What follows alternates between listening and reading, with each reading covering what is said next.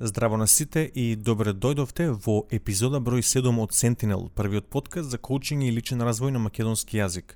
Јас сум Александар и во денешната епизода ќе зборувам за саботажа или попрецизно кажено себе саботажа. И не сум сигурен дека може така се каже на македонски, но темата е начините на кои сами се спречуваме во остварувањето на нашите цели – И сега некој може да се помисли, е како бе Александар, сами се спрачуваме во остварувањето на нашите цели, па нели ние сме се ги поставиле тие цели и тие се за наше добро. За некој може да делува малку збунувачки, но во оваа епизода ќе објаснам како изгледа тој внатрешен процес на себе саботирање и како тоа сите го правиме. Кој помалку, кој повеќе. Сите ние се се сопкаме на патот до некој успех, до подобра навика и подобро живење и по дефиниција себе саботажата е создавање непотребни проблеми и пречки на патот до остварување на една цел и таа доаѓа во неколку популарни форми. Способноста да поставиме долгорочни цели и способноста да го осмислиме и испланираме патот до нивното остварување е според мене една од најголемите привилегии кои ги уживаме како луѓе на оваа земја и кога ќе застанеме пред нашата цел или кога ќе погледнеме во списокот работи кои треба да ги завршиме оваа недела или овој месец, доста често првото нешто што ќе ни текне е како да го одложам ова за после или за утре. Или ај кога ќе имам време бидејќи сега ептен сум зафатен. И така првиот начин на себе саботирање ни е прокрастинацијата, односно одложување за воиднина на активности кои треба да ги завршиме сега. Јас во прва година на факултет паднав на еден куп испити бидејќи некако магично баш околу испитна сесија кога треба максимално да се фокусирам на книгите, јас гледав емисии каде што тестираат автомобили. Јас се уште студент си плакнам очи со спортски автомобили и така посветено гледам колку коински сили имаат и која им е цената, мислиш следниот ден ќе одам и ќе си купам еден. А следниот ден мене ме чека испит по некој си безбожен предмет. И не те чека Ферари, Александар, те чека фейл. Измачените студентски душички се очигледен пример, но што се случува кога ќе ги поминеме тие конфузни денови и ќе зачекориме во светот на повозрасните, со работно место, со деловни пријатели, семени обврски и личен развој. Еве мене овој подкаст ми е проект за личен развој и навистина уживам во процесот на создавање на секоја епизода. Но ако уживам толку, зошто чекам до недела поручек да ја напишам епизодата за во понеделник наутро да ја снимам? Ова можев без проблем да го напишам во вторник, можев да одвојам малку време и после мирна глава, но јас прокрастинирав. Чекам до последен момент бидејќи мене ми е супер снимањето на подкастот, но некогаш ми е малку стресен процесот на составување на мислите, воведен дел, некој главен дел и финален дел со порака и токму затоа чекам до последен момент. Ова нема логика бидејќи на крај ете пак треба да се ја завршам работата, но во моментот битно сум избегал од неудобното. Вториот начин на себе саботирање е преку така наречени релаксирачки активности. Тоа се активности кои носат инстант доза на хормонот на среќа допамин, со задоволство во моментот и барем за краток период ве спасуваат од одговорностите кои се пред вас. Така, на пример, има луѓе кои јадат и кога не се гладни. Има луѓе кои пијат алкохол секогаш кога ќе се соочат со стресна ситуација без разлика дали на работа, со семејство или со пари. Ова е една од причините зашто голем број луѓе коцкаат. Под релаксирачки активности спаѓаат и дремење на Facebook, нели по цел ден кога знаеш дека имаш обврски, а тука имаме и шопинг терапијата. Ова е бегање од неудобна ситуација или обврски со активности кои ни даваат привремена вештачка среќа на сметка на нашата долгорочна цел. Тоа се форми на среќа за кои ние на крај пак ја платиме цената, но сепак ги прифаќаме бидејќи не спасуваат во моментот. Од тука можете да видите дека прокрастинацијата и релаксирачките активности најчесто одат во комбинација, пред се низ многу креативни и убедливи изговори. Например, чекај сега, значи гладен сум, па после ќе одам да учам. И сега се најадов, ама да си земам и грицки за додека читам. Или ај сега после напорен ден на работа да се опуштам со неколку пива. Или еј, абе, досадно е што ќе правиме, ај идеме до Астра да мавнеме по едно стотче. И сега овие примери звучат невино, но многумина од нас знаат ситуации каде што почнало така со поеднаш, онака успат, и после одреден период тоа останало се поинтензивна навика. Третиот начин на кој се саботираме е со тоа што воопшто нема да се појавиме. Ке договориме средба ќе ја извисиме другата страна, пријателски деловни и секакви средби. Без најава или изговор не се појавуваме за ништо значително во нашиот живот, за ниту една одлука, ниту еден разговор, ниту една цел – Уште една форма на себе саботажа е кога ќе се откажеме бидејќи споро се доаѓа до позагувањето резултат. Ова може да биде слабење или едукација или напредок во било кое поле, а со откажувањето нема да го забрзаме напредокот, туку ќе го закочиме. Еден од најголемите проблеми со себе саботажата е во тоа што како токсична навика може да се прошири во повеќе области од нашиот живот и после одреден период ќе стане дел од нашиот идентитет, со што ќе се обесхрабриме и да си поставиме било каква цел. Тоа сметам дека е најтешката форма на себе саботажа, кога целосно ќе престанеме да се поставуваме цели, кога уште во старт самите ќе си пресудиме и ќе се изфрлиме од игра. Нормално е за луѓето да си пречат во собствениот напредок, бидејќи мозокот е дизајниран да бара удобност и задоволство, но како луѓе ја имаме и способноста да ги препознаеме овие динамики и свесно да делуваме во наш интерес.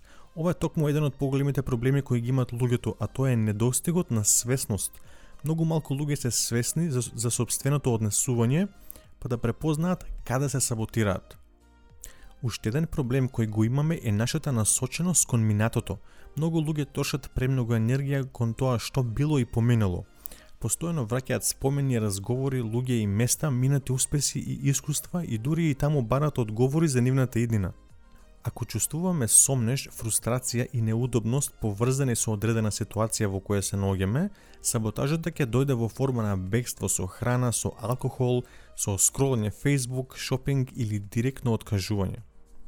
А со ова однесување ние уште повеќе ги застилуваме навигите на себе саботажа, се додека не стана дел од нашиот идентитет. Од оваа точка многу е лесно човек да се помисли дека штом до сега такво нешто не остварил, ни сега нема да оствари. Штом до сега таква цел не реализирал, тогаш и не е вреден за таква цел или за таков живот. Не е достоен, не е доволно подготвен и не е доволно паметен. Последниот проблем што ќе го спомнам во денешната епизода е нашата потреба за комфорт и верувањето дека нонстоп треба да ни биде удобно – И така кога ќе имаме цел која ќе бара од нас 10 часа работа на ден или уште повисоко ниво на едукација, превземање ризици или неудобноста на преговарање и продажби, веднаш ни доаѓа мисла да одмориме малку, да се опуштиме, да се жалиме на стресот и колку жртвуваме за ова да го постигнеме. И сега тука не зборувам за реален замор и потреба за сон, туку за тенка кожа и само со жалување при прв контакт со нешто тешко – И таа некоја убеденост кај многу луѓе дека едноставно нештата треба да им припаѓаат ним без многу напор. Обидот да се наметнат собствени очекувања врз надворешниот свет доаѓа до саботирање на собствениот мир и среќа. Кога јас ќе му направам некому услуга, сакам да ми се заблагодари на ваков начин и со вакви зборови, во е неблагодарен. Јас сакам партнерот на ваков начин да ми покажува љубов и ако не ми покажува баш на ваков начин, значи сигурно нема сака или има друга. Ова е тенденција да се контролира светот за ние да не се ставиме во ситуација да почувствуваме некаква непријатна емоција. Цела оваа себе саботажа е токму тоа. Бегање од едни активности и впуштање во други активности со цел да избегнеме да почувствуваме непријатни емоции. Непријатни емоции како одбивање, напуштање, исмевање, понижување, чувство на неспособност и неадекватност. Така ако некој има фамилиарен проблем и почне да пие, тој човек сака привремено да се облажи реалноста и да се скрие од проблемот кој ќе постои и кога ќе се отрзни. Кога студентот ќе јаде по шести пат во денот, книгата ќе го чека и откако ќе заврши тој оброк. Исто важи за коцкањето, исто и важи кога ќе извисиме луѓе на договорени средби без никаква најава. Некогаш проблемите ќе не чекаат и после часови бегање од нив, но некогаш ќе ги снема но со нив може да ги изгубиме и луѓето кои сметале на нас дека ќе сме тука кога е најбитно. Еве сега ќе споделам со вас една свежа ситуација од пред некој ден како пример за мојот внатрешен механизам на разложување на ситуација и емоции. Почнам да работам како mindset тренер со фокус на самодоверба и прокрастинација. И преку Facebook ме исконтактира еден дечко од Америка и ме праша дали би бил заинтересиран да сними интервју со мене бидејќи снимале интервју со тренери и смета дека би имале супер муавет бидејќи и тој е мајндсет тренер. Јас викам супер и тој ми пушти линк со календарче да си одберам датум кога ми одговара да имаме еден поопуштен разговор за тој да процени дали би биле добри за интервју. Значи тоа беше нешто како интервју за тоа дали ќе добијам интервју. Тоа беше во четврток и јас го отворив календарот да отперам ден, И од трема почнав да гледам слободни датуми после викендот, таму среда, четврток да го одложам колку што можам повеќе. Веднаш знаев дека тоа го правам од трема и намерно одбрав за следниот ден, во петок. Не чекав да мине викендот. Следните неколку часа ги поминав напнат и само и кажав на Мери напнат сум за овој разговорот за можно интервју утре. Мери ме праша зошто си напнат? Јас се викам се чувствувам како да одам да ме оценат, да ме проценат, да видат колку вредам или не вредам некако. И што ќе се случи тогаш? Јас се викам па не секам да бидам одбиен. Океј, и што ќе се случи ако те одбијат? Јас молчам и по некој време викам ништо ќе ти пропадне некој план, ќе загубиш пријателство, ќе загубиш пари, што ќе се случи? Не, ништо. И потогаш опушти се и прифати го ова како вредно искуство без разлика на исходот. Така и направив, и ако некој се прашува дали го добив интервјуто, не го добив. не сум имал 10 сертификати и 20 години искуство и моткаче. И сега навистина се смешкам бидејќи ништо не сум загубил, а стекнав едно поинакво искуство. Голем проблем тука е што мнозинството луѓе не можат или не сакаат на подлабок начин да се ги освестат и искажат своите емоции и да разберат каде е поточно изворот на нервоза, фрустрација или трема. И на прашањето што ти е, ќе кажат ништо не ме оставиме. Или уште полошо ќе кажат ништо не ми е супер сум. И ќе продолжат да потиснуваат емоции внатре. Тоа беше се во епизода број 7 од Sentinel. Јас сум Александар Делев, а вам ви посакувам оваа недела помалку да се фокусирате на тоа што се случува надвор и многу повеќе време да поминете свртени навнатре, запознавајќи се себе. И сентинели, оваа епизода е 1900 збора и доставија. До следниот понеделник, чао!